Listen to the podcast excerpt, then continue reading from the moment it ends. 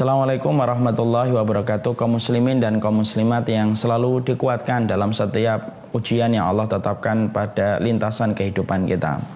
Saya Abu Basam Umar Mita menyampaikan beberapa hal yang kiranya bisa menjadi nasihat untuk saya dan keluarga saya dan kalaulah nasihat ini bisa bermanfaat bagi yang lainnya tentunya tidak ada yang saya harapkan kecuali adalah keberkahan.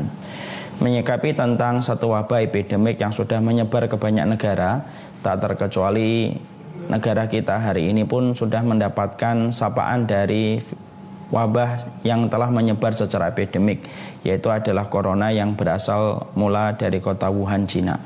Dan hari ini kita sudah mendapatkan banyak kasus terjadi di sekitar kita dan tentunya kita harus memiliki sikap bagaimana melihat fenomena dan melihat kenyataan yang sedang terjadi supaya sikap ini memberikan kekuatan bagaimana cara kita melewati ujian yang Allah berikan pada kehidupan kita.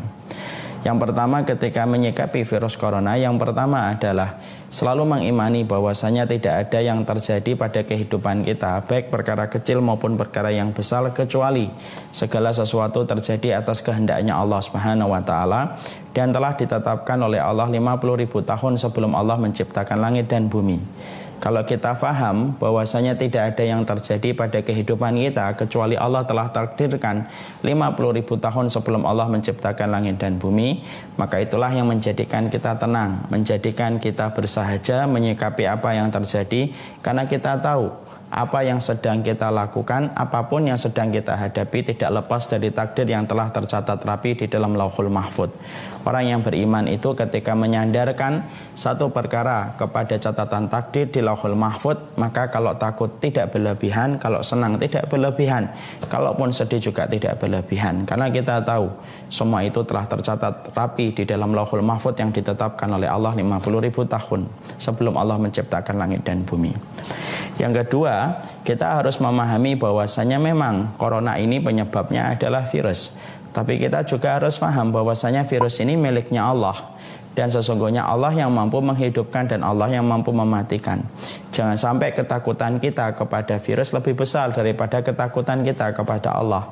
Allah yang mampu menjadikan virus itu mati sebagaimana Allah mampu menjadikan virus itu untuk hidup. Maka ketika kita paham bahwasanya virus ini juga sama-sama makhluknya Allah, maka keimanan kita kepada Allah zat yang maha penjaga, maka itu harus dipertebal supaya kehidupan kita tenang. Ketika kita tahu kepada siapa kita bersandar kepada Allah dengan sifatnya yang sempurna. Dan salah satu sifat Allah yang sempurna itu Allah adalah penjaga. Dan itu merupakan pelajaran yang kedua. Bahwasanya bagaimanapun ganasnya virus ini, maka virus ini tetap menjadi miliknya Allah dan tetap dia itu makhluknya Allah. Yang ketiga yang kita harus pahami tentang masalah fenomena wabah epidemik virus corona. Yang ketiga adalah kita paham setiap manusia itu ketika dia berjalan maka diikuti 99 sebab kematian kata Rasulullah. Kalaupun manusia selamat pada sebab yang pertama, belum tentu dia selamat pada sebab yang kedua. Terus berlanjut semacam itu. Maka kalaupun kita selamat pada satu sebab, maka belum tentu kita selamat pada sebab-sebab berikutnya. Saya ingat sebuah kisah nyata di Palu, ada satu keluarga empat orang, mereka selamat dari tsunami, kemudian mereka ingin menenangkan diri ke Poso perjalanan darat supaya mereka mampu menenangkan dirinya dari gempa-gempa susulan. Tapi apalah daya, perjalanan darat ditempuh menuju ke Poso, ternyata keluarga ini mengalami kecelakaan hebat. Empat orang ini meninggal dunia. Di situ kita mendapati selamat dari tsunami, tapi tidak selamat dari kecelakaan. Maka di sinilah kita paham corona ini merupakan salah satu sebab di antara sebab-sebab yang lainnya. Adanya corona tidak mendekatkan ajal, tidak ada corona pun tidak menjauhkan ajal. Maka ini adalah salah satu sebab di antara sebab-sebab yang lainnya. Dan kematian kita telah ditakdirkan secara pasti dan tetap oleh Allah per detiknya itu pun tidak akan luput. Tidak akan maju satu detik dan tidak akan mundur satu detik.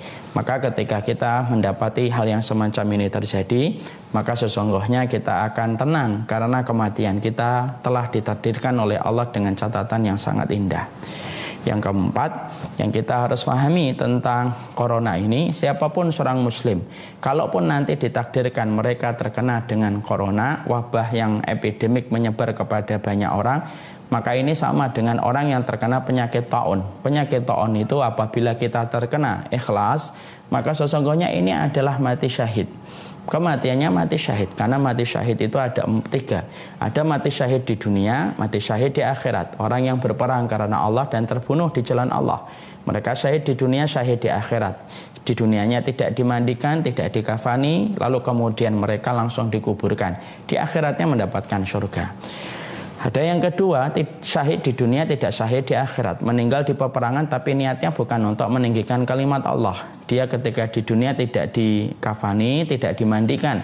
Tetapi di akhiratnya mendapatkan neraka atas niat yang salah. Ada yang ketiga, tidak syahid di dunia tapi syahid di akhirat. Siapa ini? Orang yang meninggal ketika terbakar, kecelakaan, orang yang meninggal ketika terbakar, tertimpa bangunan, sakit perut, melahirkan terkena dengan wabah penyakit maka ini adalah mati syahid di dunianya tidak syahid karena dia tetap dikafani tetap dimandikan tapi di akhiratnya maka mereka kedudukannya sebagaimana yang mati syahid. Makanya kalaupun ada di antara orang yang kita cintai terkena dengan wabah ini salah satu kabar yang bisa melapangkan hati kita adalah Bagaimanapun seorang muslim yang terkena wabah Maka kematiannya adalah mati dalam kondisi Mati dalam kondisi syahid Yang akan mendapatkan kebaikan di sisi Allah subhanahu wa ta'ala. Kemudian yang keempat yang kita harus lakukan ketika kita menyikapi wabah corona Yaitu memperbanyak doa. Karena jangan sampai kemudian kita lupa bahwasanya kita bersandar kepada Allah dat yang maha penjaga. Dan Allah menurunkan pertolongan. Pertolongan Allah itu selalu lebih besar daripada ujian yang Allah berikan kepada mereka yang tidak pernah lupa bersandar kepada Allah. Dan sandaran kita kepada Allah salah satunya dengan doa. Rutinkan doa. Allahumma inni a'udzubika minal judami wal barosi wal jununi wasai'il asqami. Nanti dapatkan di sini atau bismillah la yadurruhu ma'ismihi syai'un fil ardi wala fis sama. Maka rutinkan di waktu yang mustajab, di waktu sujud, di waktu kita pagi hari, di waktu sore hari, di pertengahan malam, maka rutinkan kita untuk senantiasa berdoa dengan doa yang semacam itu. Karena doa merubah yang mustahil menjadi mustajab, merubah yang lemah jadi kuat dengan doa yang kita panjatkan dengan ketulusan. Jangan sampai kepanikan kita memborong masker mengalahkan kepanikan kita untuk terus berdoa kepada Allah. Padahal inilah yang paling penting. Kemudian langkah berikutnya yang terakhir berkoordinasi dengan beberapa instansi pemerintah yang menangani masalah corona kemudian berinteraksi dan berdialog dengan para tenaga medis yang paham tentang masalah ini supaya kita jangan sampai terprosok disebabkan kebutuhan kita ketika tidak mendengar orang yang paham tentang masalah ini. Cuci tangan tetap, berwudu tetap, membersihkan tetap, daerah-daerah yang terkena kontaminasi maka kita hindari. Kalau kemudian kita disunahkan untuk tidak banyak berkumpul atau kemudian dianjurkan tidak banyak berkumpul, maka kita boleh untuk mengikuti itu karena salah satu metode pencegahan dari merebaknya satu virus yaitu adalah kita tidak masuk kepada tempat-tempat yang menyebabkan kita terkontaminasi sembari kita berdoa dan berikhtiar sesuai dengan kemampuan kita. Semoga Allah melindungi keluarga-keluarga yang kita cintai, anak-anak kita, istri-istri kita. Semoga Allah mencintai umat ini, semoga Allah mencintai bangsa ini, dan semoga ujian ini memberikan kepada kita satu message.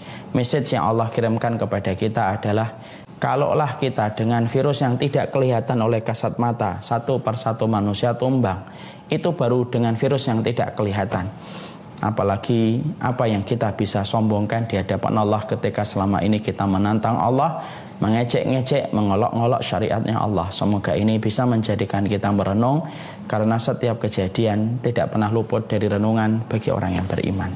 Assalamualaikum warahmatullahi wabarakatuh.